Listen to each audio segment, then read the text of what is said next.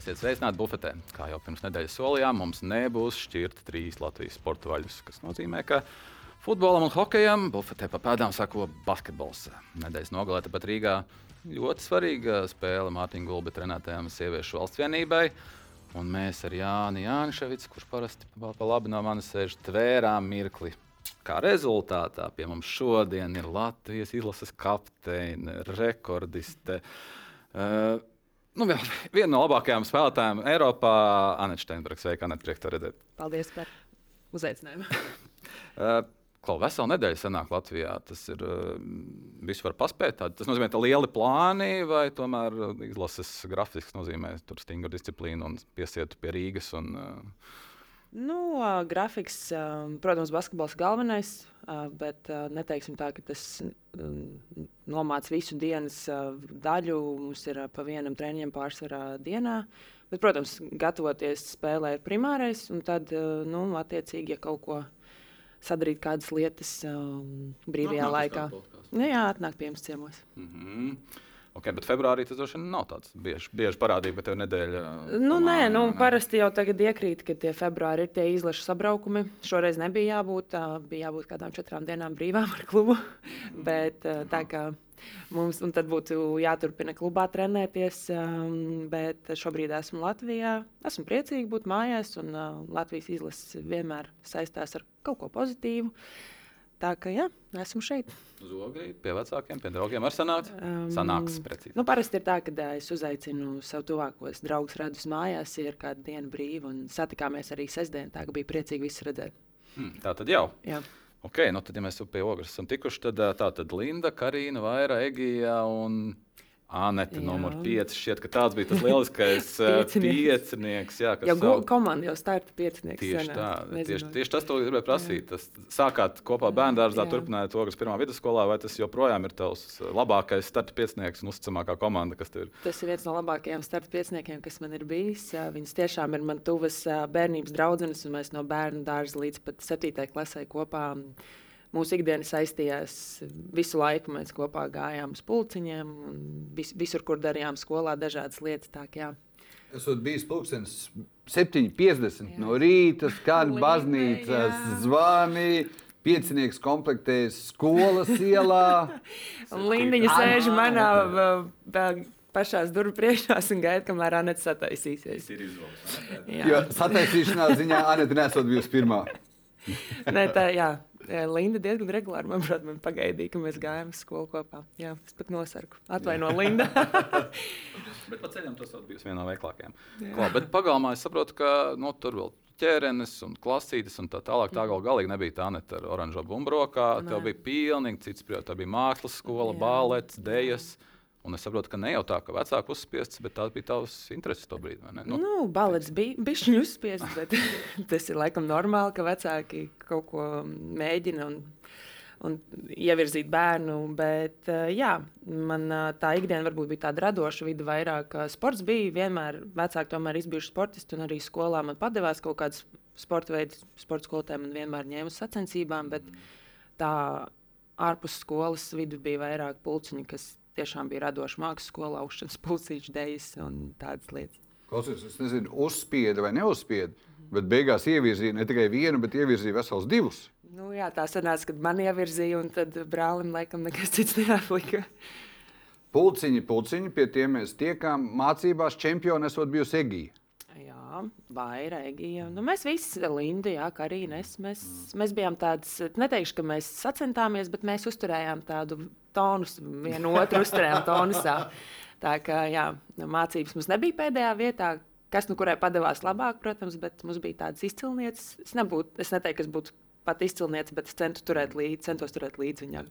Viens sacensības sorts jums bija kā skolā, skolas popielē. Jā. Atcerieties, kas tas bija par Jā. pasākumu? Jā, tāds? mēs ar Madonnas un um, Spice Girls dziesmām izcīnījām godalgotas vietas starp savu vecumu. un Tad tikām laikam skolas papildus. Es jau neatceros, tas bija tik sen, bet tas bija ļoti svarīgs pasākums. Es saprotu, ka tas Spaisgals bija tāds priekšnesums, ka tur uzreiz viss saprata, ka nav variantu. Uh, nu, Tu atceries- tu atceries, es, kur- manuprāt, neatceros tik ļoti, bet es atceros to lomu sadalījumu. Un, uh, visu, tu biji? Jā, es biju Viktorija Behema, kas tagad skaitās laikam nopietnā, bet es nebiju ne tuvu nopietnā. Es domāju, bija tas sportiskais, varbūt jāņem. Bet, nu jā. Tā. Klausies, vecāki, vecāki, bet no tās mākslas, baleta un Spice Girls to, to solīti uz oranžo bumbu Jā, palīdzēja spērt uh, Omīdu Skaidrīti. jā Omīte skaidri. Kā es viņu saucu, Ogres Rome. Jā, mums bija tā, ka mēs um, vecāki nolēmām, ka cels mājokšķilē. Un bija tāda pārcelšanās stadijā, ka es um, pusgadā pārvācos uz Zikšķili un bija jābrauk ar vilcienu. Tad kaut kā atkrita tās aktivitātes. Un, um, Maniem vecākiem nekad nav paticis, kad vienkārši sēž dīkstā, vai nu, ka ir jābūt kaut kādai papildus nodarbei. Un Alma vienkārši lasīja avīzi un ieraudzīja, ka ir um, sludinājums, ka 47. vidusskola veids atlasi, kur uzaicina jaunas meitenes braukt un izmēģināt. Ja nedēļot, tad lai vismaz met pa grozu. Um, nu, jā, jā, Nu, kaut kas jā, vismaz. Nu. nu, jā, tas ir nāk. Bet tobrīd tev ir jau, nu, jau 13 gadi, nekādas iepriekšējas intereses par šo spēli, kas saucās basketbols. Nu, man nebija, man bija pieredze, ka mums sporta skolotāja lika piedalīties kaut kādās rajona sacensībās, basketbolā. Vienkārši salika it kā sportiskas meitenes kopā. Mums bija 5 minūtes jāspēlē, ja nemaldos, pret Madlienas spēlētājiem, kuras, manuprāt, bija basketbolistas. Mm. Es teicu, ka šitais nav man. Es nesapratu. Ja tev bija hokejs, man tev bija patīk hokejs, hokejs un tev patīk Harijs. Jā, man bija Harijs. Kāds Harijs? Um, Vitoļņš. Viņš bija mans liels elks. Man ļoti patika. un Es biju cerējis, ka uh, vecāki nosauc brāli par Hariju, bet uh, nē, tomēr Mārcis.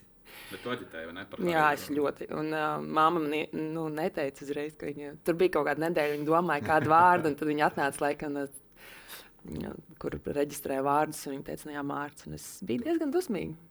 Tu jau biji liels cilvēks, tev bija 10 gadi.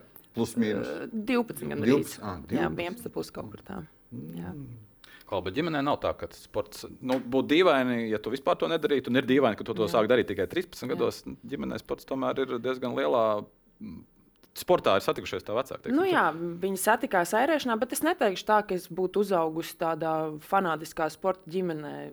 Es atceros, ka es bērnībā skatījos ar māmu ol- Olimpiskās spēles, ka tas bija tāds notikums, kas tomēr notiek uh, vienreiz četros gados. Un, bet tā, ka viņi man par sportu stāstītu un ka es būtu tajā vidē, tā noteikti nebija sākumā. Nu, vismaz līdz kādiem astoņiem gadiem, deviņiem. Es noteikti neatceros, kad es manuprāt, nezinu, vai vispār zināju, ka viņi bija airētāji. Nelikim sērēt, tā laiva braucienā. Nē, es neesmu nekad sēdējis airēšanas laivā. Nekad. Tu esi vecāka airējuši laiku. Man ir mākslinieks tur. It kā upe bija vienmēr blakus, bet Es varu teikt, pat ir ar, ar, ar Dainu Bērtānu vienā Jā. gadu pārējais kopā divniekiem. jā, laikam. Precīzi nezinu, bet es zinu, ka viņi ir Ar kaut ko airēju kopā. Nu, vai ar vienu bērnu vai citu bērnu. Nu, Gluži tiem, par kuriem tu tagad domā. Bet, uh, nu, par ko es domāju, par to es domāju. Un nevis par tiem diviem, par kuriem tu domā. Jā.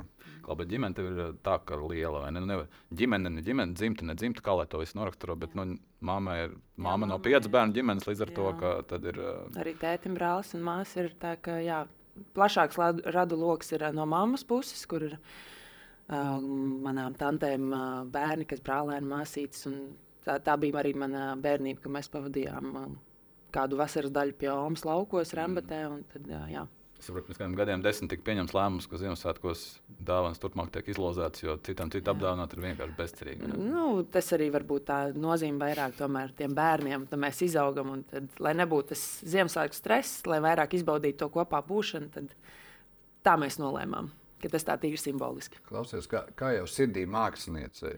Tu agrāk tev patika uz visādiem svētkiem pašai kartītes, zīmēt, apsveikt. Starp citu, man bija liela pauze. Pēc Covid es nebiju taisījis, un šogad atkal uztaisīju. Mm. Mm. Jā. Katrs gan saņēma dažādos laikos, bija kas pirms jaunā gada, pēc tikai tagad, tā kā mēneša ietvaros, bet visi saņēma. Bet pašas zīmēt, vai Jā. pašas taisīt tā kā Jā. visiem? Nu, tur tā mākslas skola, ja no 6 gadu vecuma, nu, tad, ko iemācījies, tad tu tagad vari. Nu, arī universitātē, jā, bišķiņu uzlaboju kaut kādas prasmes, mm. bet jā, man patīk kaut ko izveidot. Kas patika, kas padevās mākslas skolā? Nu, tur droši vien bija iespēja daudz ko izmēģināt. Nu, Vispār man liekas, ka tas tāda zelta lāde ogrē ir, ka ir tāda o- ā, mākslas skola, jo tiešām nu, tik tāda.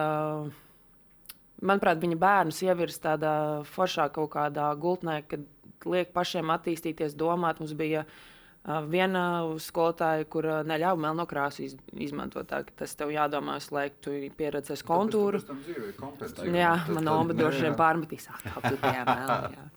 Uh, bet, nu jā, bija daudz radošumu un uh, bija gan keramikas, gan ar ģipsi, nu, daudz, daudz dažādu un zīmēšanas. Un, uh, specifiskāk, bet tas viss kopumā man ļoti patika. Es saprotu, ka tur atkal otrā omā varētu būt vairāk virzītāji, kur jā, tas nepiepildītais sapnis tētimām. Jā, jā tētimām, jā, arī Janete. bet jā, viņa savu sapni sāka piepildīt. Um, Kaut kur 76 gados, laikam, sāka iet uz mākslas muzejā. Bija nodarbības, kur viņa gāja. Jā, mā, uh, gleznot, jā, gleznot, jā. Kas man vēl ir varianti? Līdz nu, jā, jā. Es jau, jā. jā. Anita, basketbols ir darbs. Tad viena ir, uh, lieta ir māksla no bērnības. Un tad tā dejošana, tu skaidrs, kā ar mākslu atsāk zīmēt kartītes, tur jā. operas, baleti, tu aizēji paskatīties tur. Nu, operas baletus nē, ja nu gadījumā kādreiz kāds ieminās, ka ir kaut kas jāaizēj, vairāk tas teātris. Mm. Nav tā, ka es ļoti dejošanai sekoju līdzi. Man patīk skatīties, ja ir iespēja, bet laikam teātris ir tas vairāk, ko es mm. Vai mākslas galerijas? Vai... Jā, jā, vēl nesen biju uz Rotko izstādī Parīzē. Mm. No pašiem pirmsākumiem līdz pat beigām, kā, kā viņš sācis. Tā. tā ir tā priekšrocība, jo man uz Rotko es varu aizbraukt tikai līdz Daugopilī. Anita var aiziet Parīzē. ļoti labi. Jā.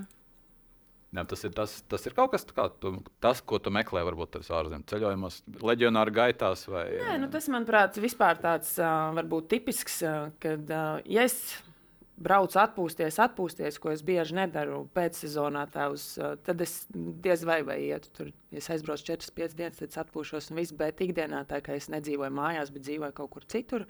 Tad man ir interesi paskatīties, um, ir īpaši tādās mekās kā Parīzē, ja, kur ir uh, iespējams redzēt tādus māksliniekus, ko nevienmēr Latvijas Mākslas muzejā varēs redzēt. Man patīk apskatīt gan uh, manā vietējā pilsētā, gan jebkur, kur es aizbraucu, vai uz Dižonu vai kaut kur. Neskatoties uz visām ceļošanām, tev joprojām ceļošana ir tāds, nu, viens no galvenajiem vaļaspriekiem. Nē, es teikšu Nav. tā, ka es ļoti ilgi spēlēju basketbolu profesionāli mm, nezināju, kas ir atpūta. Nu, man nebija tā, ka okay, tagad es braucu atpūsties. Man, man liekas, man tagad ir jāplāno. Akāla lidošana, mm. palikšana, kaut kas, kur es braukšu. Nē, man mājās forši, es izbaudu Latviju, ģimeni, draugus. Un, jā. Bet tā māksla, uh, ok, mēs noskaidrojām, ka kartiņš tas atsākas zīmēt, tas ir beigas forši, bet uh, nu, tādā, tu, es radošais process tev ir tāds bijis jau kopš, vai tas Amerikas posms, kad tas bija aktīvākais? Tas bija visaktīvākais, jo tur tiešām. Nu, to laiku, ko tu pavadīji tajās lekcijās, tas ir 3,5-4 stundas uz vietas, un arī mājās tev ir jāpabeidz. Un tev ir tas termiņš, ka tev ir jāpabeidz mājās. Es esmu iesākusi daudz, varam daudz lietas, kas man liekas, mans rokraksts ir tas, ka nepabeigt līdz galam. Nu tā. Bet Molberts tev stāv mājās? Jā, tu... man ir, man ir eh, iesākts dažādi. Es pat Francijā esmu iesākusi vienu gleznu, un es ceru, ka līdz sezonas beigām es pabeigšu. Bet rādīt tev nepatīk, vai ne? Mm, nu, nu, tā, tā īsti. kamēr nav kaut kas īsti, jo tur procesa gaitā daudz kas mainās. Bet pirmais treneris Juris Garkāns teica, ka galvenais, kas tev atšķir no lielas daļas pārējo metiņu, ir mērķtiecība, kas daļēji ietver arī to, ka nonāk pie kaut kāda rezultāta un pabeigt to, kas ir uz tā molbēta uzlikts. Un...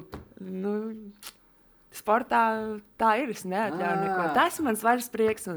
Ko... Nē, ja man ir termiņš kaut kāds, piemēram, tās pašas Ziemassvētku apsēkļi, kas jā, es iespringstu riktīgi. Un... Jā, laikam tā vide arī ir svarīga, jo, manuprāt, gleznošana, zīmēšana, man vajag to gaišo telpu, tādu tā kā studio tipu. Nu, istabā man ir mm. Malberts, bet tad tur saule spīd, nespīd. Tad, tā, manuprāt, atmosfēra arī ir svarīga. Tas nav. Stikla grieztu nav, jā? Nē, nav. Bet noderētu. Jā. Varbūt Bet... plenērā jābrauc kaut kur pie dabas. Bet tad atgriežamies pie tās Ogres Omes ja, atrastā sludinājuma, 47. vidusskola, treneris Juris Garkāns Un tur bija tā mērķiecīgākām apspēlēt jau pašā sākumā. Nu, nē, nu, ko man lika skriet, lekt, eh, kaut ko darīt. Es domāju, nu, ko, nu, jā, ko vari to mm. rādu. Pēc tam, laikam, es ar uh, savām jau nākamajām komandas bērniem runāju. Viņas teica, jau nu, tu tur tā iespringa, ka nu, tur viņas no malas jau zina, kā zina kaut ko tādu. Nu, šī tā gan iespringa vajag. Man tā nelikās, bet, nu, laikam, jau gribēju kaut ko pierādīt. Bet tā, bet tā, nu, tā paša deva, tas azarts, tā iešana kaulā, kas tev tā kā raksturo basketbola mm. tas ir tāds tas ir tavs stils un metodika, kādu panāc rezultātu basketbolā, vai tas ir raksturs tomēr? Nu, cilvēki... nezinu, laikam kaut kāds miks. Jo es nezinu. Nu, tā cilvēks saka, laukumā ir viena neta un jā. dzīvē ir cita. Jā, ir tā, ka tu tā kā. Nu, nezinu, man pārslēdz. varbūt uh, nav tā, ka es eju tur laukumā. Vienkārši ir tā situācija, ka es negribu atdot tam pretiniekam iespēju. Man vienkārši nu, neinteresē. At, man jāatrod veids, kā apturēt vai kā ielikt to bumbu grozā. Un, uh, varbūt sākumā tas cīņas par vairāk attīstījies, jo es ielicu tik vēlā vecumā basketbolā. Vienkārši man nebija ne tehnika, nekāda izpildījuma. Nebija. Tātad, kas man teica, tev jāaptur pretinieks, neieliet bumbu grozā, un tad tev jādabū viņu tur tajā grozā, tev ir atkal jāiemet. Un tas ir viss. Nu, no tā es skatījos, ko man komandas biedrienis māca. Man liekas, oh, forši. Viņa tā māca mest, un viņai tā krīt. Man arī gribētos tā kādreiz. Nu, tā pa solim. Bet tas cīņas par vienmēr tāds. Anet, un tad, kad lēnām sāka kristā bumba grozā, ap cik gadiem tu saprati, ka tu varētu arī turpmāk un tā nopietnāk nodarboties ar vienā galā apturēšanu un otrā galā dabūšanu grozā? Nu, es nezinu, tā, tā. Man šķiet, tas viss tā pakāpnes. Man uh, sākumā Nezinu, man tas vienkārši bija kaut kas jauns. Man bija forši, man bija komandas biedrs, man bija vidi, kuras nesu garākā. Mm. Uh, mums bija tāda, maniem gadiem man ļoti patīk komanda, jo mēs visi gājām kaulā reāli. Mēs bijām nu, tādi underdogs nedaudz. Mm. Un uh, tad pēkšņi kaut kādā 47. vidusskola uzvar čempionus. Ja mēs pēc diviem gadiem, laikam, kad sāku, manā otrajā gadā mēs uzvarējām vecuma grupā. Un tad, un tad tā forši ir. Kas tur vēl bija? Um, Anna Gailīte, Agata Gailīte, Ingrīda Strika sevi rācināja. Uh, Anna. Ja aizmirsu vēl lietas, tad jā. Bet nē, nu, jā. Nu, tā, kas turpina. Par to es jau. Tā, tad es esmu laikam no vienīgajām pašlaik, bet jā. Bet klausies. El Paso Universitātē, Teksasā, tur arī bija pietiekami labi kompānija. Tur arī bija kāds meitenes, kas savā starpā latviešu runā. Jā, es, Kristīne un Baiba. Kristīna Vītola, Baiba bija līdz tur. Un tur arī mums tīri labi nu, veicās. Jā, īstenībā. Sākumā sanēta nesot bijis tik. Jūs tur ar mammu, kad es no tur tā mierīgi tā aizbraukšana nebija tik ļoti. Nē, nu tā izvēle bija manējā, bet uh, nu, tu nonāc jaunā vidē. Tā ir tāda izdzīvošanas skola starp ar, nu, armiju, tā pielīdzināt, kur tu pats cīnies mm. par sevi, ja, un tu esi tomēr uh, Eiropietis, un tur ir amerikānietis, un tad tajā, tu atbrauc no Latvijas, tomēr nu, kaut kā tu tur kotējies, ka tajā vecuma grupā, un tu spēlē un kaut ko. Un tad tev jāsāk sev pierādīt no sākuma. Un it kā tu tiec, nē, un tad, manuprāt, tas otrais gads ir tāds, mm, nu, tāds lūzuma punkts. Un bija tā, ka es zvanīju mammai naktī, es teicu, braukšu mājās, man to nevajag. Māma, Tev, nu, ko, nu, ko darīt? Tev bērns zvana naktī, raud, ko nu, pirkšu biļetes no rīta pazemes. Tā, nē, ja es iesāku pabeigšu. Nu, cik reizes tā bija zvanīta? Nu, nebija tā, nu, tāds, tas viens nē, tāds nē, nu, tā. rīktīgs. Bet nē, nu, ik pa laikam jau es piezinu, nu, tā pietrūks jau tās mājas tik un tā. Nu, ik pa laikam jau tu piezini, ka ok, kā, man nepatīk vai kaut kas, bet nu, tas ceļš tāds ir. Nu, tev ir tās kritumi, ir kaut kādas uh, ik pa laikam. Ir, viss ir jau super, tikai ir tāda diena, kad tev var kaut kas nepadoties, kaut kas nesanāks. Tas sakrīt, ka tev nu, nu, jā, vienkārši tajā dienā. Jā. Bet lielā universitāte kā tāda jau no sākuma novērtēja U izlases mājās sasniegto. Nu, vismaz viņi tur Raksta, nu, man šķiet, ka paveicās, ka Baiva bija pirmā. Viņa bija gadu jau iepriekš aizbraukusi, un tad uh, mūsu trenere bija atbraukusi Polijā uz U20 čempionātu. Viņa redzēja atkal mūsu ar Kristīnu, manuprāt, tur ievēroja. Tas, manuprāt, palīdzēja. Jo es nezināju, kā uztaisīt video. Man nebija kas filmē video. Man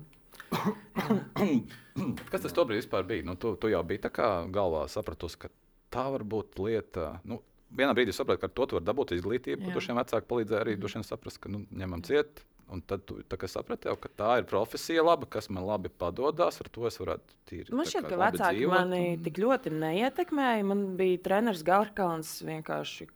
Seš... Viņš vienmēr mums stāstīja, ka Amerikā to un to viņš mums laiku mēģināja tā, nu, kad kādu basketbolu, ko viņš dod un ko tu vari. Un viņš teica, ka nu, ir iespēja uz Ameriku braukt mācīties un spēlēt basketbolu. Man liekas, o, super. Un tad, tas bū, un tad es savā prātā pat nedomāju, man liekas, tas ir tas, ko es darīšu pēc uh, vidusskolas un viss. Mm. Un, viss. un tad es pabeigšu, un es būšu profesionāls basketbolists. Laikam tas tāds vecums, kaut kāds 17, 18, kad mēs jau redzējām lielo izlasi, kad bija uz Olimpiskajām spēlēm. Tur ir tāds, oh, es arī tā gribu. Nu, tas tāds, manuprāt, jā, jā, jā. Tā iztēlojas jā, sevi. Jo tajās... sākumā es nezināju neko no personāžiem basketbolā, man nebija nekādas sajēgas no tā. Un tad jau Tad, kad mēs ar U-16 izcīnījām kaut ko, un tu jau sāc saprast, un tu satiec tās cilvēkus, un viņi ir apkārt kaut kur, tad tev atkal parādās kaut kāds piemērs. Klausies, un tajā vecumā, kad tu par to olimpiādu sapņo un, un par to izlasi, ka tu spēlēsi, mm -hmm. un kur tur uznīra psiholoģija? nu, tā bija vienkārši universitātē bija jāizvēlās. Uh, sākumā pirmie divi gadi ir tādi nu, ievelkošie, ka tu vispārīgās ņem tās stundas, un man bija kaut kādas lekcijas, nu, piedāvāju kursu, ko es izvēlējos psiholoģijas sākums. Un, Man liekas, beigas forši. Es par to tādu neesmu dzirdējis, neesmu lasījis. Man tik interesanti. Viņi tur stāsta, kādi cilvēki ir un kā reaģē. Un kaut ko par mani, par mm. sevi, kaut ko uzzinu. Un, jā, tā es nolēmu, ka tā būs psiholoģija. Un pielikt klāt mākslu. Jā, tam, nu, saprat, ka ir iespēja. Jā, jā. Jo bija doma, ka varbūt uh, sports psiholoģija, bet mums tajā laikā universitātē nebija šī novirziena. Tad es paņēmu to, kas man patīk sirdī tūs. Balīts bija trietājums, vai es saprotu, ka jums pārmet par to, ka jūs latviešu treniņos runājat, liek runāt angliski. Bet, nu, jā, ārpus... kādreiz tur kaut ko. Nē, ārpus mēs uh, bija, ka pavadījām laiku kopā. Nu, katrai, uh, mēs laikam baidu vairāk pavadījām laiku kopā, bet vispār uh, nu, mēs jau treniņos kopā esam. Tad, tas ir normāli, manuprāt, ka vispār ikdienā radās savas draugu tādas nu, kaut kādi šūniņas. un, nu, arī tas laiks nav tik daudz, tur ir basketbols, mācības. Nu, tu esi visu laiku kopā, tu arī gribi kaut ko citu. Satikt varbūt kādu citu, kas nav tieši no Latvijas vai komandas biedrina vai vēl kaut ko tādu. Bet nē, mēs, mēs sadzīvojām labi. Tā. Par tādiem pietiekami būtiskiem karjeras posmiem, kā spēlēšana Amerikas Universitātē, ienāk prātā pēc tam, kā būtu bijis, ja nebūtu aizbraukusi vai varbūt. Nu, Galu galā TTT čempions titulu arī izcīnījusi Latvijas. Nu, uh, Bija nozīmīgi, deva, ko deva. Jā, es domāju, ka nu, šobrīd es skatos braukšanu uz Ameriku nedaudz citādāk. Uh, tajā laikā man likās, ka nu, tas tāds ir reālākais variants uh, spēlēt un turpināt. Nu, tā izglītība tomēr man sēdē kaut kur, es gribu iegūt. Un Latvijā atkal Ieva, Pulvera un Karlīne Pilābera viņas izvēlējās. Viņām Amerika nekad nebija, un viņas izvēlējās to ceļu caur Latviju. Iet. Un tas nebija viegli tajā laikā. Es atceros, jau mēģināja sarunāt kaut kādas lekcijas, tur parādus, un nebija tik pretim nākošs. Tas viss tev bišķiņi, nu, ļoti daudz par sevi jācīnās. Ir, un to, Un, jā, bet, uh, manuprāt, tās divas um, dažādas izvēles, kas tagad es uzskatu, ka bērniem nav obligāti jābrauc uz Ameriku. Tā ir iespēja, tā ir lieliska iespēja, bet, manuprāt, Latvijā mums arī ir uh, universitātes ir attīstījušas programmas, kur viņas ļauj spēlēt, uh, apmaksā stipendiju, un tas arī ir ceļš, kuru var izvēlēties. Bet pat braukt otrreiz arī? Nē. Es labprāt izmēģinātu palikt Latvijā mācīties. Āre, Jā. Un ko tu mācītos Latvijā? Nezinu, tad jau redzētu. ah, Jā. Es atpakaļ pie basketbola pajautāšu, tomēr jūs bijāt trietā, tu nosauc to vienu vārdu. Kristīna Vito, tev ir atbilde, kāpēc mēs viņu redzam Latvijas izlasē? Uh, man nav atbildi, kāpēc. Es uzskatu, ka tas ir uh, viņas personīgs lēmums. Uh, es respektēju to, jo es, es, es pat esmu kaut kādā brīdī atteikusies spēlēt Latvijas izlasē. Un, uh, ja viņa nevēlas, tad, uh, manuprāt, tas ir jārespektē. Un, es nezinu, nu, ja kāds noķer paprasīt, var jau paprasīt vienmēr. Nu, mm -hmm. Es nezinu, es. Uh, Nē, prasīts, nu, jā, es, man nav nekādas uh, ne konflikta, ne domstarpības. Es vienkārši uzskatu, ka tas viņai tāds dzīves, uh, dzīvē posms, varbūt, ka viņa nevēlas būt mm. tur. Un, nav tā, ka mēs viņu nevēlamies. Noteikti viņa ir uh, laba basketbols ļoti un uh, labā līmenī spēlē. Un, gara un, manuprāt, zem groziem spēcīga spēlētāja vienmēr sevi ir labi parādījusi. Un vērtīgi spēlētāji Latvijas basketbolā. Bet nu, šobrīd ir tā, kā ir. Man, man nav konkrētas atbildes, kāpēc. Mm. Bet, jā. Anet, tev ir ļoti skaists vārds. Jā, paldies. uh, mums arī agrāk ir bijušas meitenes Anetes, kas spēlējušas basketbolu. Un viena ir spēlējusi gan izlasē, gan arī Amerikā, varbūt ne Elpaso universitātē, bet arī tur, kur ir karsts un viņi ir Jā. spēlējusi. Vai tu esi izjutusi kādreiz uh, spiedienu no tā, ka Anita Jēkabsona žogot ir bijusi Latvijas izlases līdere un ka tagad varbūt mums nāk uh, cita Anete, kas arī ir līdere? Tās, nu, tās cerības, gaidas un salīdzinājumi, tad, kad tu ienāci, nu, visi ah, ir Anete cik forši saspēlēts. Tev nav bijuši, jā? Ja? Vispār mm. nē. Es nekad neesmu izjutusi salīdzinājumu ar Anētu. Tikai mm. tik, cik mums ir vārdi, jo mēs, manuprāt, esam pilnīgi atšķirīgi.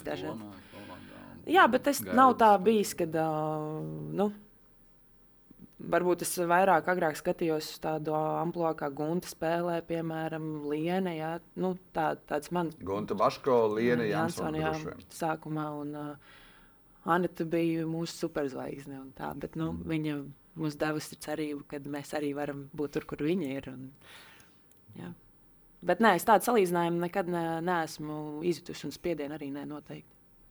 To stafetes kociņu pārņemt. Jā, nu, Nē, tāpēc, tas, tas nav bijis sakarīt, tāds mans mērķis arī paņemt to stafetes kociņu. Vienkārši tas kaut kā laika gaitā. Kā... Nu, Ziniet, kā superzvaigznes saprotu, kuras ir tās spožākās zvaigznes. Man ar astronomiju ir. Nu, bet galu galā zvaigzne. Nu, top 20 FIBA atzinumā Eiropas spēlētāji ir nu, to, tomēr zvaigzne. To nu, galīgi. Es neteikšu, par... ka tas ir patīkami, bet um, mm. es nezinu. Nav nu, zvaigzne. Jā. Mm. Jā, jā, labi, es Nē, tikai... es nezinu, vai tas, tas vairs. Jā. Man patīkami, ja redzēju, ka FIBA iekļauj, bet vai tas nosaka kaut kādu, nezinu, statusu. Kāda vieta šobrīd ir Latvijas izlasē tavā kā, nu, dzīvē, vērtības skalā, ņemot vērā, ka tuvojoties kaut kādām karjeras noslēgumam, mm. neviens vien bieži vien pasakā, nu, man īsti. Ne tā jaudas, ne tā emocijas. Varbūt es savu esmu nospēlējis. Paldies uz redzēšanos. Es pakoncentrēšos tagad klubā. Mm, nē, mm. Man, uh, man patīk spēlēt izlasē. Un, uh, Ziniet, kā man gribās vēl vienu čempionu, uh, nu, aizbraukt uz čempionātu un uh, labi nostartēt. Un, uh, man, nezinu, man patīk atmosfēra Latvijas izlasē un spēlēt ar meitenēm. Un, uh, redzēt, kā viņu karjeras izvēršas, kā viņas spēlē, kā viņas progresē un kā mm, es gatavos sagaidīt, kā lomas mainās, kad es neesmu tur. Varbūt tas ir ja, galvenais kaut kāds no galvenajiem elementiem, bet nu, jau nāk iekšā mums spēcīgs pro, uh, perspektīvas meitenes. Ir, ir forši redzēt, jo vienā brīdī varbūt šķiet, ka kas tad būs tālāk, bet vienmēr būs kaut kas. Klausies, tu pati pieminēji Jums bija tāds uh, turnīrs Gdiņā, kur spēlēja Latvijas U-20 izlase. Tad pēc gada bija turnīrs Liepājā. Tur atkal ir tas dzīve. Pāris gadi, pāris mēneši ir paskrējuši. Tur jūs tikāt pie bronzas abos tajos turnīros. Kādas tās atmiņas par tiem laikiem? Ir ļoti labas vispār no mana vecuma izlases. Mm, man ir ļoti labas atmiņas. Manuprāt, tas arī devis tādu spēcīgu pamatu tam, kāpēc es vēlos spēlēt izlasē, kāpēc es vēlos izcīnīt kaut ko. Jo, uh, mēs nebijām favorītas, kad mēs braucām. Mums neticēja arī, manuprāt, no Basketbola Savienības, ka mēs izcīnīsim ceļzīmu uz A divīziju, U16, un uh, mēs to paveicām. Un, uh, nu, jā, tas parādīja to, ka tāds komandas darbs, ķīmija un neatlaidība spēja mūs aizvest uz kaut kādiem sasniegumiem, panākumiem, mēs katru gadu mēs izcīnījām kaut ko savā vecumā. Un tev varbūt tās minūtes nebija vislielākās, bet pie tām vienām bronzas medaļām uh, Liena Šurkusas tālmetiens bija tāds. Jā, jā, Līga šurkus. Jā. Un, uh, un tad atkal vienā citā bronzas mačā atkal vienā netā divas ļoti svarīgas soda metienas.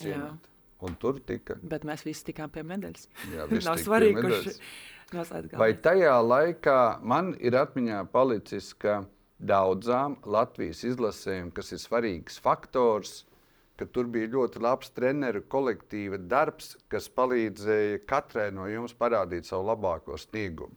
Tur bija kaut kāda dūre, dūrīte, tas treneru kolektīvs. Nu, es domāju, ka tas, kad mēs bijām jau no paša sākuma, jo es atceros, kad sākumā mums bija Ainārs Čukste.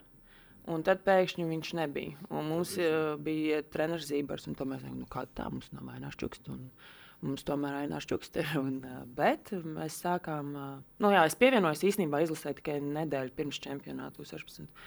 Un tad, jā, nu, kaut kā mēs tā kā kodols, gan kā spēlētājs, gan treneris. Jo es neatceros, manuprāt, tur mainījās viņam asistents. Bet treneris tomēr jā, tur jā. plašs bija tas asistents. Jā, jā loks, loks bet nu, jā, mums kaut kā tomēr katru reizi kaut kā sakrita tas viss, mm. kad mēs gan viņi darbojās labi kopā, gan mēs. Mēs mācījām tā koeksistēt kopā. Un, uh, mums tas mērķis bija izcīnīt uzvaras, tikt vis, tā, vis tālāk, kur, kur nu, tagad, tā kā tu esi pati pieminējis, tagad es saprotu, ka to vajadzētu ar lielo izlasi.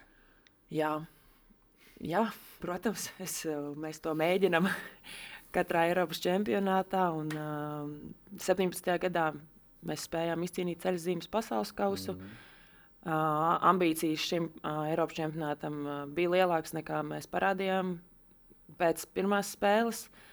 Protams, rūkums um, ir tik un tā.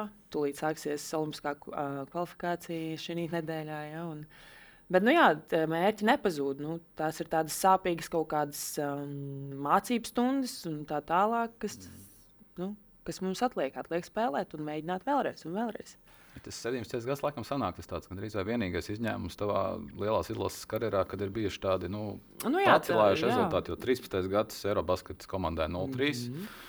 Uh, 15. gads arī 2-2, bet zaudējums Horvātijai palikātais svītras, tad mm. tālāk pasaules kausa ar, ar 0-3, un tad 23. gads mm -hmm. atkal ar nu, nu, jā, principā.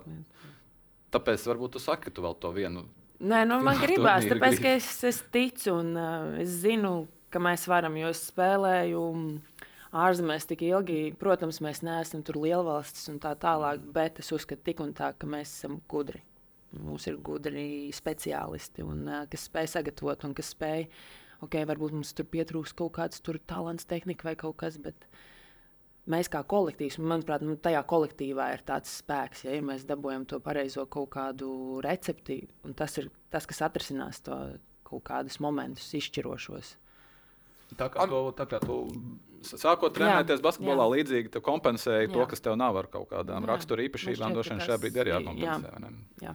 Bet tu pieminēji arī, ka tev pašai ir bijis posms, kad tu kā, no, izlas, izlaidi laiku, pēc 18. Mhm. gada pasaules kausa tas notika.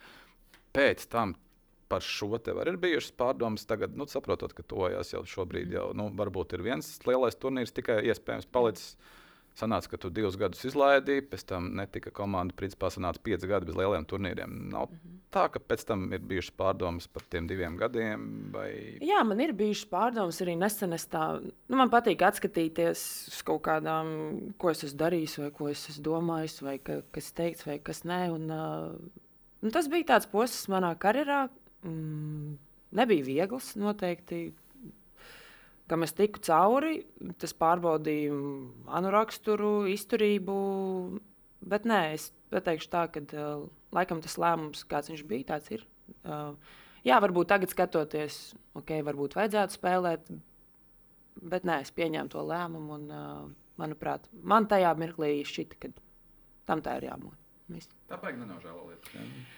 Lai gan Amerika nē, tagad arī citādi, gan nav, ar Ameriku varbūt ar Nē, nu, nav tā, ka es, ne, es arī Ameriku nenožēloju. Vienkārši jā. no šīs skatu punkta nu, es esmu vecāka nekā kad biju Amerikā un arī tagad uh, spēlēt. Nu, es saprotu, ka tā karjera iet uz tām beigām, bet nu, tas bija tāds, man bija jāpastāv par sevi, vai es tur biju, man bija taisnība vai nebija pa vidu taisnība droši vien, bet man šķita, ka man tajā mirklī ir jāpastāv uz to, nu, ka nebūs tur jā, nē, kaut kas tam līdzīgs.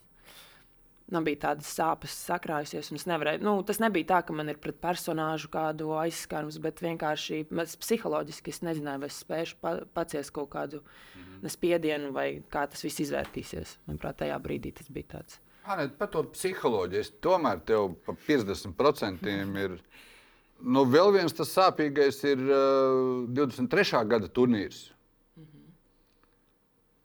Mm. Spānija un nākamās divas spēles. Vai tur vispār ienāca prātā, ko tu esi mācījusies universitātē, nu, tur psiholoģija? Mm -hmm. Lai cik es skatos, protams, ka ne tikai psiholoģija. Mm -hmm. Es īsti nemāku citādāk saskatīt, ka re, tur spēlēja pret Spāniju. Mēs esam prasījuši no malas viena komanda un nākamās divas spēles cita komanda. Nu, visvairāk psiholoģija. Vai tur tev nāca tavas zināšanas prātā vai ko?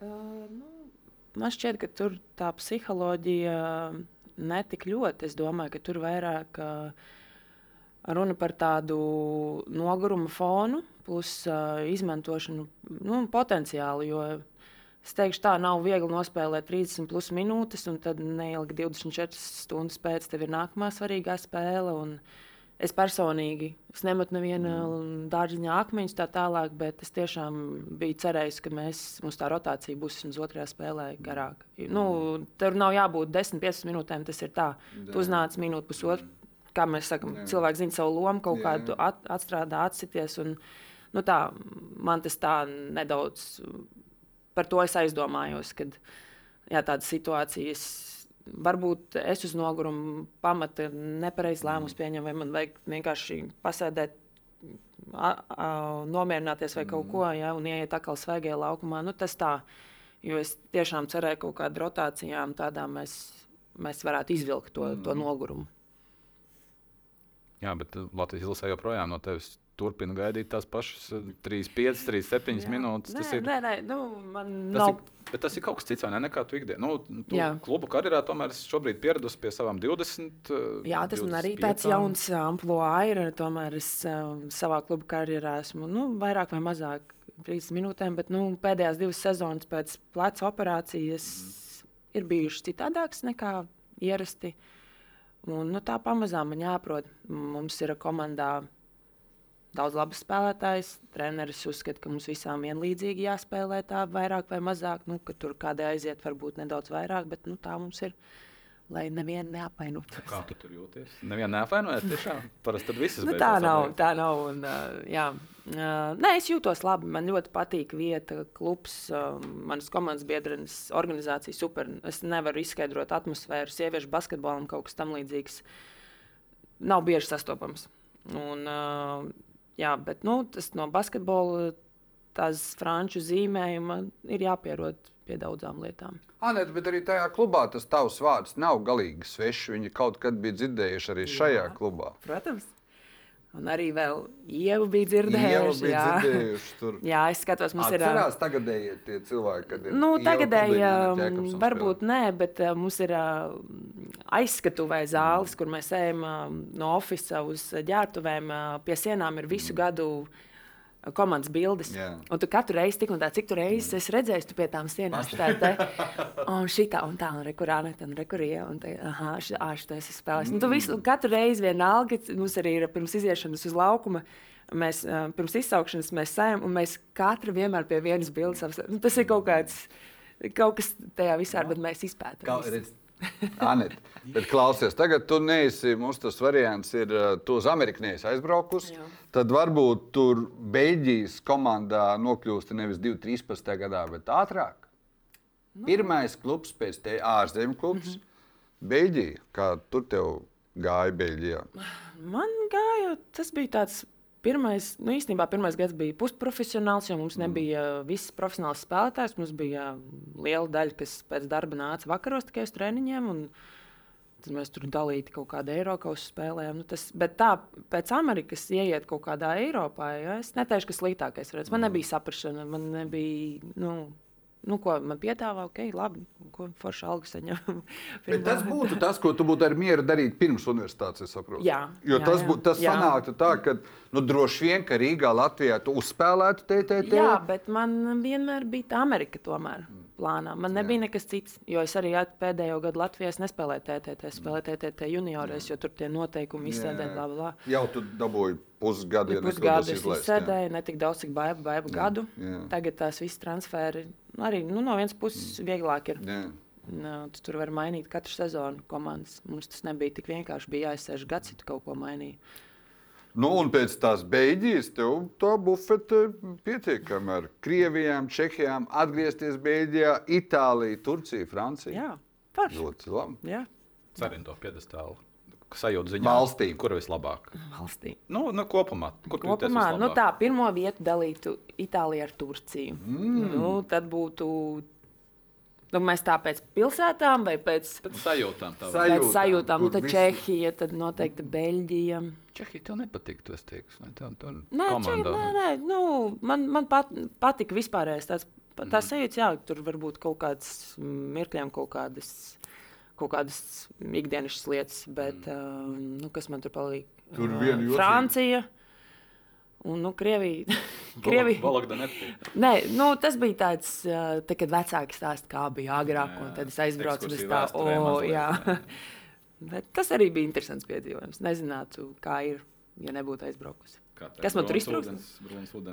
No. Nā, tas bija, tas bija, kur tas bija Piemaskavā. Aizmirsu, kā bija tā pilsēta. Bet mēs tur ā, tā viesnīca atceros, kāpēc, jo mēs ar Rīdzi, es biju ar Rīdzeni braucu kopā uz turnīru, Gomeļska laikam bija, un tā viesnīca pats man gadu nebija mainījusies. Nekas, totāli nekas. Mums Latvijā ir tāds. Jā. Tur nekas nebija mainījies. Nu jā, Beļģija, Krievija tikai palika ārpusē. tā kā. Mm. Nu, Nē, Francija. Beļģija ir trešā. Jā, Beļģija tiešām, nu, Francija tur. Fran Beļģija, Francija tur varētu būt kopā. Tur, tā. Nu, tur sešām valstīm piecas uz pedestāla dalītās vietās. Nu, tā. Ok, Francija saprot to tādā sportiskā ziņā, laikam viss tāds nu, sarežģītākais, grūtākais čempionāts. Jā, tāds, nu, kur uh, kat, nu, nevar, nav spēles, kur tu vari bišķi pastaigāt. Nē, nē. Turcijā gan jau kā varēja. un Turcijā jā, varēja, bet, uh, jā, Francija ir tāda. Man jāsaka, jāsaka, ka tās visas komandas ir labi noklāptas. Un, uh, ja tu nekoncentrēsies kaut minūti mm. Pret jebkuru pretinieku, tur var viss aiziet slikti, diezgan ātri, nekontrolējami. Tā, ka, jā, tā ir tāda. Tāda vieta. Es esmu pārliecināta par mūsu spējām, bet dažreiz viss, kas notiek apkārt, man liek, ka okay, vairāk jākoncentrējas. Tik un tā ir. Nu, pievērst uzmanību kaut kādām lietām. Bišķiņ haos viņš ir. Jā, tas, Nu, jā, bišķi. Bet neko. Pagājušajā gadā pilnīgi noteikti jūs mērķis komandas neizpildījāt, palikāt bez Eirolandes. Tagad ir. Nezinu. Man, tā, man nav 11. Man nav 11. vidusskola franču. Vilnius Dask. Jā, man- Tie ir pirmajā vietā tikai viena uzvara vairāk. Jā. Nu, jums tās būs galvenās konkurentes. Tā ir Nu, ne, spēcīgākā ne, komanda tikai, ne tikai viņas, arī Liona un Basketlāns.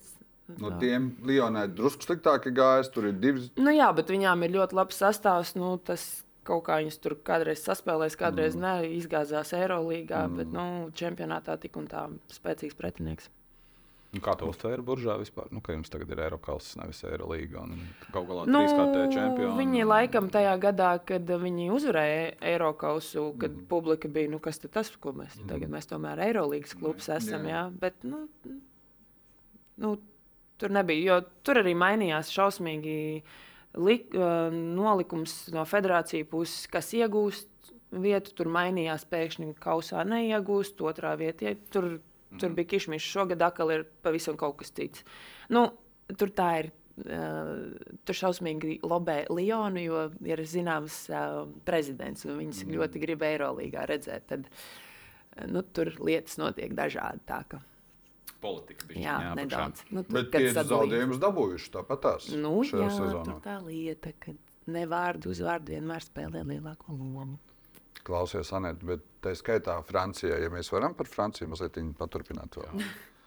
Tur Tā psiholoģija, un Francija un tā. Jā, man tāpēc, ka ar tevi LinkedInā sazinājās Anna Jēkabsona. Jā. Es jau centos atrast tādu piemērotu vietu. Jā. Un Tas nebija tā, ka nu, nezinu, zvaigznes sastājās. Tu jau lēnām sāki kļūt par, nu, tagad latviešu laikam mēs sakām, karjeras koču. Nu, es noteikti nē, bet. Uh, Pa, pa, pa, kas tur bija tie kursi, kas tur bija? Kur... Nē, es uh, Francijā, kas ir mans lielākais iegūms vispār, es uzskatu, ka es uzzināju, ka ir tādi kursi, Jā. uh, kur es izēju karjeras koča pavadībā. Jā. Un, uh, viņi tā kā sagatavo sportistu tādai dzīvei pēc karjeras. Jau sa, savas intereses, savas spēcīgās puses, tad tu apjautājies par bijušiem darba devējiem, viņu, viņu viedokli, bijušām komandas biedriem, lai dotu tādu ieskatu, ko viņi saredz tevī. dažādi uzdevumi, tā tālāk. Un viens no uzdevumiem bija izveidot LinkedIn profilu, jo tas ir šis sociālais tīkls, kas ir profesionālai videi. Man bija, jā, es ieraudzīju uzaicinājumu no Andes, un tā mēs sazinājāmies, jo Anda gribēja palīdzēt. Nu, Pirmkārt, iepazīties. Viņa Francijā ir spēlējusi un arī dzīvo. Basketbolisti, jā, 20 gadus karjerā. Un... Jā, un, jā, un es uzzināju, Ka, jo es tajā brīdī domāju, ka es pati gāju tos kursus, kas cik superīga programma visiem sportistiem vajadzētu, kāpēc mums Latvijā nav. Jo es nebiju dzirdējis, ka tieši sportistiem specializēti. Protams, droši vien, ka mums ir karjeras koči un tā tālāk, bet vai tieši sportā specializēti man neesmu dzirdējis. Un, jā, un tad Rānda sāka runāt, viņa šo te mm, lietu dara, kā palīdz sportistiem. Un, Un mēs sākām runāt, un uh, man ieinteresēja, vai es varētu kaut kādā veidā iepazīstināt Latvijas sporta vidi ar to, ko viņa dara. Anete, respektīvi, es atvainojos, ka es tev pārtraucu. Ne tikai iepazīstināt, to ar Andu kopā jau esi sākusi palīdzēt Jā. mūsu pārējiem sportistiem. Tu jau cik no bija tie skatītāji Instagram tiešraidē, ko var noskatīties arī ierakstā. Jā Jūs abas ar Andu jau stāstat, tu jau palīdzi, Jā. vai tā ir tava nākamā profesija? Es neteikšu, ka tā ir mana nākamā profesija, bet uh, man patīk atrast cilvēkus, kas, uh, kas dara labas lietas un uh, ar to visu padalīties. Varbūt no šīs sadarbības izveidojas kaut kāds projekts, kas varbūt nav bijis Latvijā, varbūt kaut kādi semināri vai vasarā, kur tiek uzaicināti sportisti un uh, mēs paveram tādu darba iespēju vidi, varbūt uzaicinām kādu uzņēmēju vai kas, ko viņi, ko viņi meklē savā darbiniekā, kas ir, kas ir tās lietas, um, uz ko mēs varētu fokusēties kā sportisti. Mēs neesam vienkārši nometami. Jā, nu kaut kā tā, kad jau lietas aizdomāties, ka nav tā, ka tu beidz un tā, ko man darīt. Anet, cik viegli tev, un starp citu arī Andai gāja ar pirmajām sarunām ar pirmiem darba devējiem, cik Andai viegli bija atrast darbu, uh, kas trīc, kas netrīc kas trīc, kas netrīc. Tu par to mūsu auditoriju var aiziet un paskatīties. Jā, droši, jā. Bet vai apziņā, zemapziņā, El Paso psiholoģijas grāds tur nāk, tas ir saistīts. Jo tur ir, ja tu prasi man, tas, ko jūs stāstat, kas ir sportistiem svarīgi, karjeras otrajā pusē saprast, sākt domāt, ko viņi grib, nu, psih, nu, runāt ar sevi, saprast, ko viņi grib. Nu, un tad par to pastāstīt uh, citiem cilvēkiem. Tā es no tevis runāju. Nu, jau, tas ir saistīts, jo nu, psiholoģija un tas ka, uh, karjeras treneris ir tā kā psihologs un Andai tieši tā programma ir ar psiholoģiju saistīta. Un, uh, tā sevis izzināšana. Jā, kaut kādas ievadlīnijas ir, bet te, kad es mācījos psiholoģiju, es nezināju, kas tas ir. Tā, ka, jā.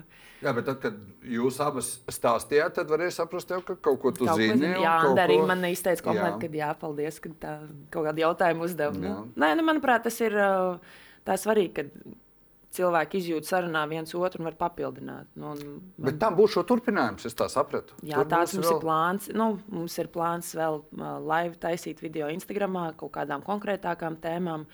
Andra ir diezgan aizņemta arī ar Francijas auditoriju, un, bet nu, vasarā ir tāds kaut kas tāds pasākums vai seminārs, kas varbūt tāds taustāmāks un reālāks. Jo tā komunikācija mums ar Andru ir internetā, mēs sazināmies, sarunājam arī tos laikus. Mm -hmm kāda es varu, kad viņi var nav tik vienkārši. Tā kā, jā, tāds plāns ir. Un es ceru, ka Latvijā arī tas būs kaut kas reāls. Es tā pusapzināti atstāju to kā tādu priekšpēdējo tēmu lauciņu, jo mēs vēl parunājam par ļoti svarīgo spēli Svētdienu. Mēs par daudz ko parunājam. Mēs, mēs stundām kafijas pauzi. Jā, kafijas pauzi, un tad mēs turpinām. Andai uh, viss tāds bailīgākais, no kā viņa baidījās, bija, kā Anna saka, sportiskās, viņa teica, jā, kostīma novilkšana, jā. sporta formas novilkšana. Ņemot vērā, ka tev jau skaidrāki to soļi, man bija sajūta, ka tev tas tā nebaida. Es teikšu atklāti, ka nē. Jo man uh, izējot uh, šos kursus, es nezinu, man nu, tādu pārliecību dod, dod man piezvanīt kādam darba devējam. Man bija arī jāzvan reāli Jā. kaut kādiem profesiju pārstāvjiem, kas man interesēja. Un, uh, man jāprasa un jā, nu, ne, gluži kā intervija, es viņus intervēju, bet man jāuzzina. Bet jā, man uh, ir tāda pārliecība, nu, kad, uh, jebkurā brīdī tas var apstāties, jebkurā brīdī man ir jāmaina, jānomaina darba forma. Un, uh, man tas nebaidās. Jā, nebūs viegli, protams, bet arī basketbols sākumā nebija viegli. Bet jā, es jūtos drošāk noteikti. Man tas nav tā, ka, ak, mans dievs, man nebūs basketbols. Bet jums ar Andu arī neizskanēja tas, ka gan Anna, gan tu noteikti jau varat būt pateicīgs par savām karjerām ja nekļūdos, es saklausīju Andai gan līdz 36, līdz 37 gadiem, mm -hmm. un tava karjera arī nav bijusi 5, 6 gadus. Jā. Par basketbolu karjeru jūs jau varat būt abas jau šobrīd pateicīgas. Jā, jau. jā. Es arī pēdējā brīdī, gadu iet priekšā, skatoties, mm. jā, es novērtēju to, ko man ir basketbols devis. Un, manuprāt, daudz ko esmu piedzīvojis, ieguvusi un paņēmusi. Es daudz esmu devusi basketbolam, bet arī basketbols man devis ļoti, ļoti daudz tāds kā atslēgas pasaules atklāšana. Bet diezgan svarīgi tajā brīdī, lai tad, kad tu beidz karjeru un kaut ko sāc, lai tev būtu kaut kāda uzkrājuma. Francijas līnija ir tā, kur maksā vislabākās algas sieviešu basketbolā. Kur maksā?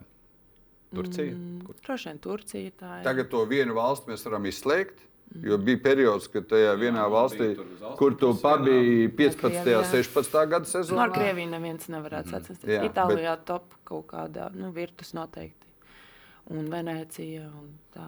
Ir kaut kāda Turcija vismaz divās tajās savās komandās, Galatasaray, Fenerbahča, ar visu viņu kultūru. Jā, klubu. nu, tur ne tikai Fenerbahča un Galatasaray, tur ir daudz. Nu, Turkiem ir tāda bišķi pietrūks ilg, ilg, ilgnoturīga ilgspējība. Un, mm.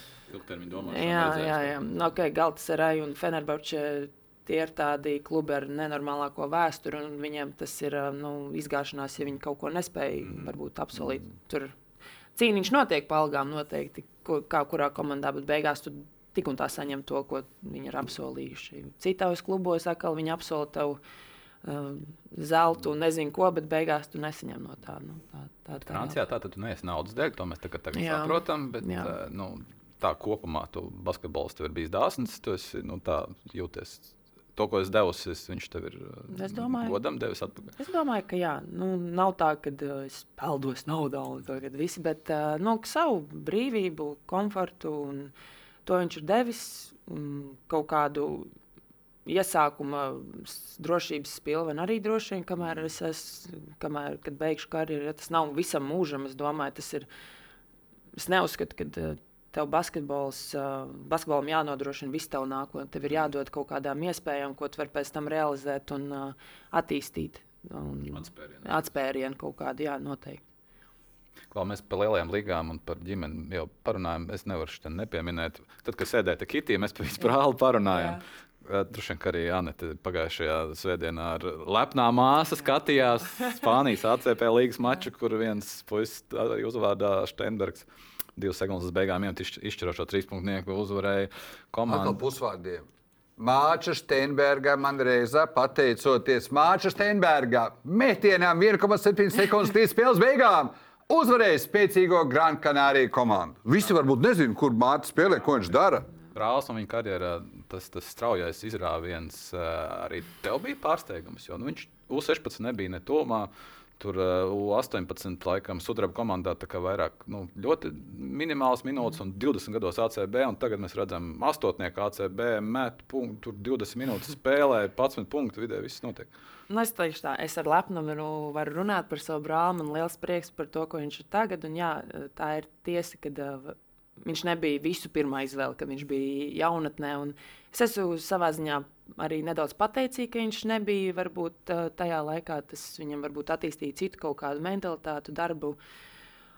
Attieksme pret uh, darbu un tā tālāk, bet uh, arī tas ceļš, kā viņš nogājis, kad uh, Ogrē bija Arthurs Visockis, Rubens paņēma viņu pie lielās komandas, tas jau viņam deva kaut kādu novērtējumu. Un, uh, Tad uh, es, es meklēju iespējas, kā viņu dabūt uz Spānijas. Prasīju komandas lai, lai ai pa lauju, es saku, nu, kādas iespējas viņam tā. Ko jūs iedomājaties? Viss ir Spānija. Un, tādu, ups, ne, un tad uh, vienkārši vienā momentā pēkšņi Mārtiņš Bērziņš uzrakstīja manai mammai, ka uh, tas bija tāds pārsteigums mums visiem un ir iespēja.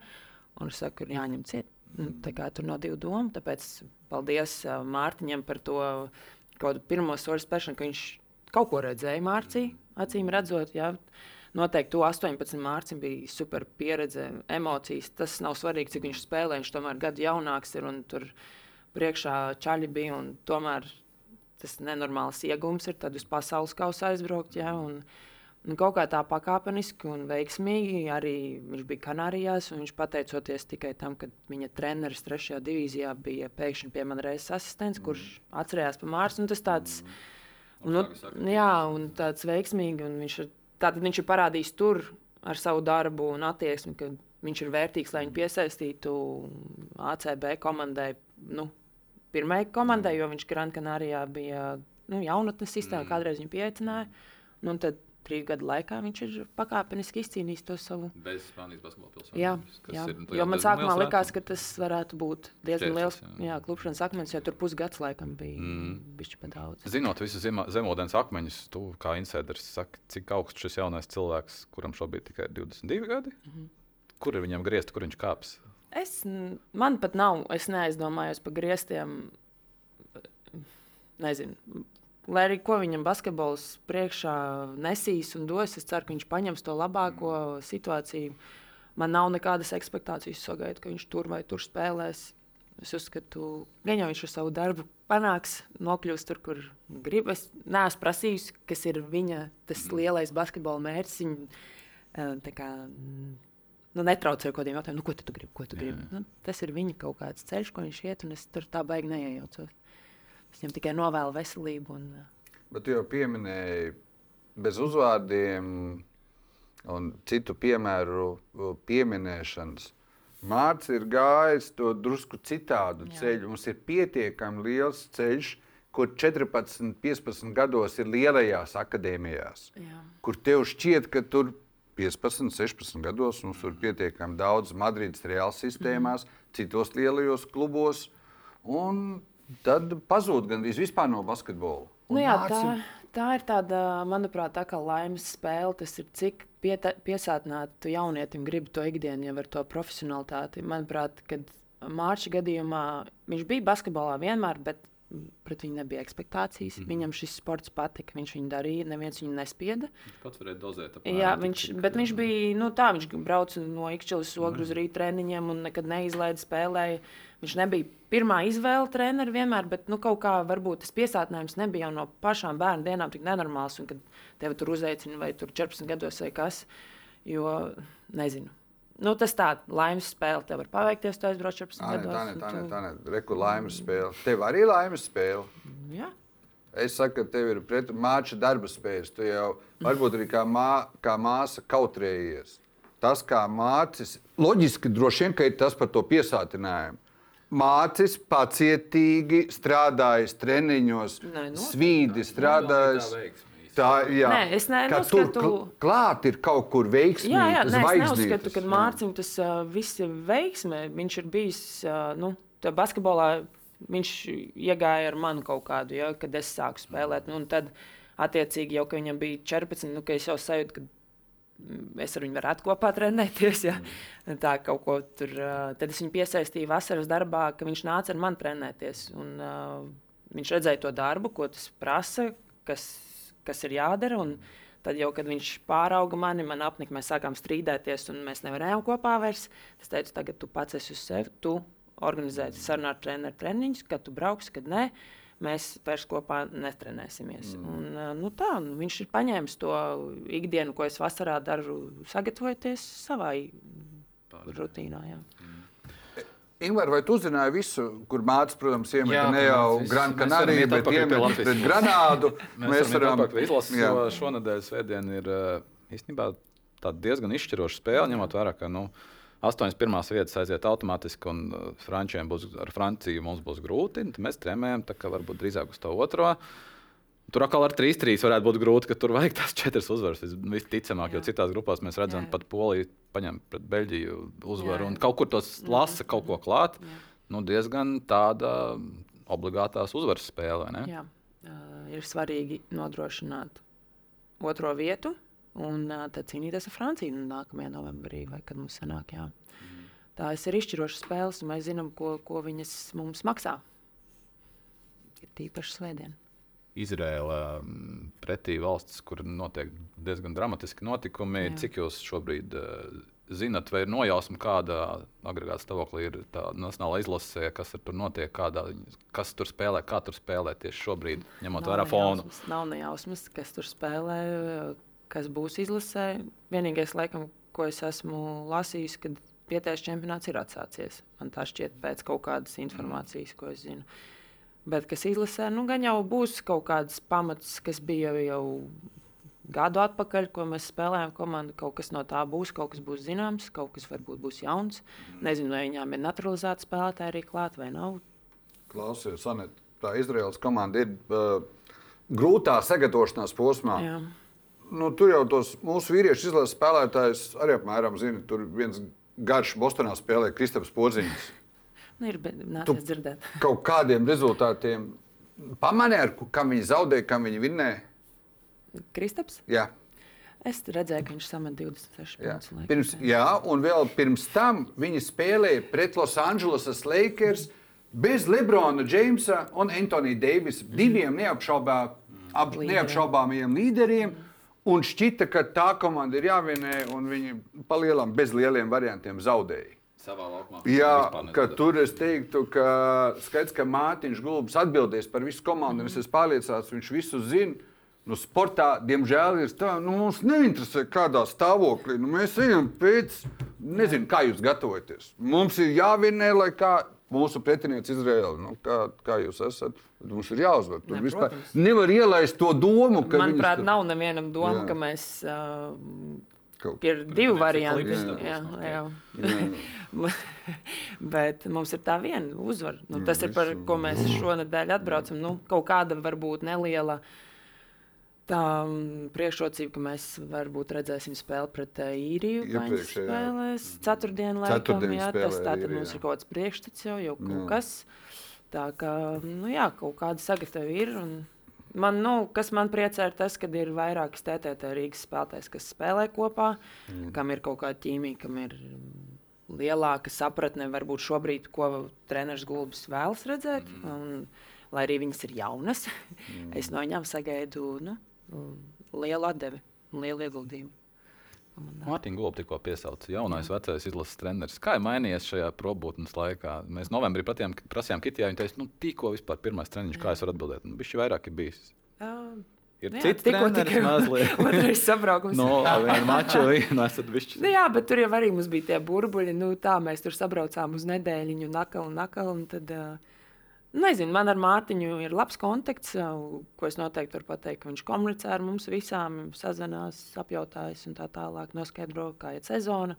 Nu, pirms sabraukuma tieši arī ikdienā tagad mēs esam parunājam par kaut kādām lietām, basketbola aktivitātēm, kā pašsajūta tā tālāk. Nu.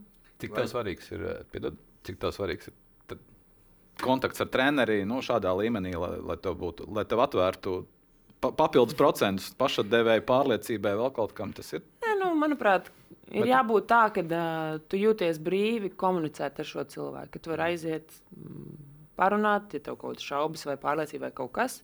Tu vari izteikt savu viedokli, viņš tev iedod savu. Bez, nu, vienkārši aprunāties. Ja, nu, man nav jābūt labākiem draugiem. Vienkārši, ka man ir treneris, ar kuriem var parunāt, uzprasīt jautājumu, ja man kaut kas ir neskaidrs. Es prasu, tāpēc, ka nu, tu tavā 12 gadus ilgā izlases karjerā jau ir piecas treneru maiņas šķiet notikušas. Mm -hmm. Pirms tam vēl ir. Mums viņi diezgan regulāri mainās. Tas ir jā, bet tur par... viena personāža mums ir.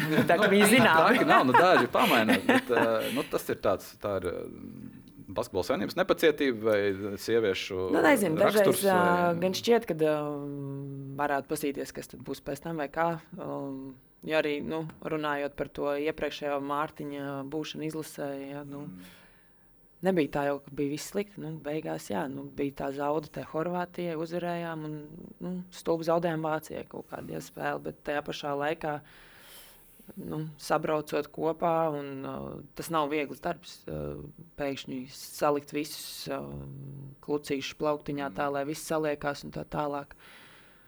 Tā kā, nu. Ingmār, Latvija nav vienīgā vieta, kur ir tāds jocīgs uh, treneru maiņas. Uh, tajā turnīrā, kur tas Anēts pieminētais Kristaps. Tur bija tāda komanda, kas tu jau 30 uzvaras izcīnījusi Austrumu Kristapa konferencē un ļoti labi spēlēja. Viņi toreiz arī nomainīja treneri. Bet es arī par citu TTT. Jā. Tāpat kā Buļbuļs nespēlēja tajā Eiropas turnīrā, kurā gribēja spēlēt. Jā. Bet vai tu esi pamanījusi, ka tur, kur spēlē, spēlē labi šo gadu, šo sezonu? Mārtiņa Gulba, TTT. Es ieģērtu tās lielos, kad redzu, kā Francijas komandai zaudēja. Kas, kas tad notiek? Es zināju, ka uzvarēs. Jā. Jā. Man ir ar ko pa palapoties Jā. arī savā starpā. Ne tikai uh, mūsu vīrieši izlasa Francijas spēli, ko es Jā. iebāzu sejā, tā kā man liekas, ha, ha. Jūtat to sāpes? Jā, tāpēc, ka pirms bija, nu, ka, nu jā, jau par Franciju mēs jau tam nekas mm. pagaidi. Un tad Visam. Un tur kā reize tajā spēlē, es domāju, prieka bija maz. Neviens vien līderis Francijas netik labi nospēlēja pašvainīgi. Un jā. tur mazā Latvija. Jā, paņēma, kas jā. bija jāpaņem. Uh, gribēju paprasīt par politiskām spēlēm. Nu, bišķiņ, mēs sapratām, ka mēs šitās mums tā kā aizgāja garām. Bērnībā to ar vecākiem skaties reizes četros gados kaut kas. Un tad bija tāds viens mēģinājums pagājušo gadu. Jā. Tieši pēc Eiropas čempionāta mēs uzzinājām, ka Anna Stēmera iet un spēlēs tieši to, kas viņai ir riebās skolā, un ko viņa teica, ka vispār mūžā nespēlēs. Tomēr ies un spēlēs. Un aizgājāt, vienu posmu pusfinālā tikāt. Uh, Kur tika? Pasaules kausa posma pusfinālā Šveicē. Kādā sporta veidā? 3x3 basketbolā. Jā, citādi es nevaru saprast. To tu tik uzliec vēl. Jā. Uh, kas tur aptrūkās, kas tur apsīkā? Vai... Nu, es aptrūkos, es pēdu salūzu vienkārši. Tas man aptrūkās, bet uh, mans tas mērķis, kāds, ne es mm. tur ar lozungu, es tagad uz olimpiskām spēlēm, bet arī esot Francijā. Redzot, kādā līmenī tur notiek. Okay, mēs nevaram salīdzināt Latviju, Franciju, bet tā ir iespēja, tas ir olimpiskais sporta veids. Uh, man komandas biedrene ir Francijas izlases 3x3 uh, spēlētāji. Un, mm. No pašiem pirmsākumiem tas nav vienā dienā uzlaskucošā zvaigzne Letīcija Guapo. Ja, un, uh, nu, Viņa ir paņēmusi to sporta veidu, un tā ir viņas niša. Man šķiet, ka tas ir brīvs. Un nevis tāpēc man tur pierādīt, ka redz, es varu arī spēlēt, bet parādīt meitenēm, ka tā ir iespēja. Ka tā, tā ir reāla iespēja. Un es to redzu kā To nevar salīdzināt. Mēs vīriešus ar sievietēm nevaram salīdzināt. Sievietēm spēlē viss ir profesionāls praktiski. Tas nenorit sezonu laikā. Mm. Tas notiek tikai uh, pēc sezonas. Um, tā ir lieliska aprite basketbolā. Kad, nu, es nezinu, cik jaunām spēlētājām viņas ir nopietni, kā gatavoties vai nē, bet es tevi tur tajā basketbolā apritē. Es uzskatu, ka šis sporta veids var arī būt lielisks veids, kā mums noķert tās meitenes, kas vairs nav nevienā U izlasē un ir starposms starp lielo izlasi, kur viņām nepazust un kaut kur aizķerties, kad viņām ir vieta. Varbūt viņas nav tik gatavas uzreiz būt izlases sastāvā vai kandidātos, bet tā ir viņu vieta, kur viņas var spēlēt, trenēties, pārstāvēt Latviju, gūt emocijas, uzvaras. Un, uh, tas ir olimpiskais sports veids. Tad liek tikai kādai iekāptajās kurpēs un sāk dejot deju. Vai Budžā un Francijā gaida Olimpiskās spēles šajā vasarā? noteikti tas ir viss par un ap. Un, um, Es ar nepacietību gaidu to 3x3 sieviešu izlasi, jo viņām sagatavošanās ir. Viņas nespēlēja profesionālu sezonu. Mm. Tur bija uh, liels uh, šurumburum ar federāciju, klubi strīdējās un tā tālāk, jo ir spēlētājs parakstīts, algas jāmaksā un tā tālāk. Viņas nevienu nespēlē šo sezonu. Viņas vienkārši gatavojas Olimpiskajām spēlēm. Bija sākumā paredzēts no janvāra, bet viņas mm. gatavojās jau no septembra. Es nezinu, kad viņām visu laiku ir kaut kādas nometnes, man liekas, ka tik viņas vienotrai neapnīk. Mm. Bet ir uh, interesanti redzēt to procesu no malas. Mm. Uh, kā viņas tās nometnes, kur braukā, kā, kā, kas beigās uh, tiks sastāvā, jo viņas nav tā, ka tikai četras spēlētājas. Ja? Un jā, par to ir. Uh, Dažādas attribūtikas, olimpiskās spēles. Mm. Nav tā, ka tev tieši sejā ir tā olimpiāda, olimpiāda, bet jā, cilvēki par to runā. Tas ir liels notikums. Losandželos varbūt. Ne, nu es, uh, man tā... tie mērķi ir. Man tas nav tā, nu, redzēs, nu, ja es spēlēju izlasē, tad man ir mērķi kaut kādi. Mm. Es neeju ar plakātu rokās, bet ir kas, ko gribās. Būs, būs, nebūs, tad redzēs. Papa, man jau jūg, Anete, Losandželos ir 3 pret 3, jeb Losandželos ir klasika. Nezinu. Tu teici, nē, nē, nē, klasika ir klasika. Ir klasika. Mm. 3x3 man ļoti patika. Man patīk tas koncepts, bet uh, šobrīd uh, nu, man tas ķermenis ir, ir tajā vecumā, ja, un uh, es, protams, varu spēlēt, darīt visu kaut ko. Bet mana prioritāte šobrīd ir 5x5. Mm. Es, ja būtu man 25 gados šis sports veids, ja tik nopietni, cik es mm. tagad ir, jo es vienmēr esmu izvairījusies, godīgi sakot, no streetbola, jo tas viss nav noticis kontrolētas mm. kaut kādas laukuma. Nu, kā nu, tas ir? Nu, Sākumā, jā, jā, sākumā no. jā, uz asfalta un tā tālāk. Tas man nav nekad aizrāvis. Mm. Bet, jā. Lai gan droši vien, ka tu tur varētu justies diezgan labi. Ne, tajā, nu, jā, man patīk, tāds... man uh, patīk tas, ka tev ir. Uh, Ātri jāpieņem, bet nu, tā nevis tā uz dūlo, ja, bet tev ir jāzina, Nu, kad paņem tā taimot, ir svarīgi, jo treneris to nevar. Mm. Un tad tu treneri klausi, bet var arī neklausīties. un tā, tas tik superīgi, to tā kā bļauj tur spēlēt. Un tā. Nē, mēs vēl šito. Un tas ir tas tāds baigā spēle, un tev ir arī jājūt, jo spēlē ar jaunākām spēlētājiem kopā. Un tu jūti, ka no, no, nu, nogrums ir. Ir viens, laikam, tas mēdītājs, bet tad tev ir. Un tad tu jūti, ok, tagad jāņem. Mm. Tad neņem. Tad tās paņems vai nē, ja nē, tad mēs ņemam. Nu, tā visu laiku tāda, nu, kaut kāda doma spēle arī tur ir. Tā. Dumpaniets izrādās. Es domāju, ka Mārtiņam notirpa kājas tikko. Viņš dzirdēja, kā tu negribi klausīt treneris. Nē, nu, kā, kā vienmēr jau var paskatīties, un vienmēr var nepaskatīties. Bet nu, 3x3 tā jau pēc, lik, nu, pēc noteikumiem tu nedrīkst tas treneris skatīties Jā. un klausīties. Okay, nu tad kāds ir tavs mērķis šobrīd? Basketbolā, dzīvē? Basketbolā. Paņem to, ko man basketbols vēl dod. Kas tas būs, es nezinu. Cik ilgi būs, es nezinu. Bet... Un kas būs pēc tam, to arī nezinu. Vēl nē, bet Apmēram ceru, ka uh, kaut kādas iezīmēsies tuvāko gadu laikā. Jā, konkrēti es nezinu, kā kaut kādus soļus es kaut ko daru un skatos, kā tas viss saliksies. Mēs pamanījām. jā. Nu, jā, ko, ko mēs te varam novēlēt? Tad, pēc, nu, kas tev tagad? Tā tad vēl viens turnīrs, lielais turnīrs Latvijas izlases sastāvā, kuru tu beidz ar, ar smaidu. Jā. Jā. Jā.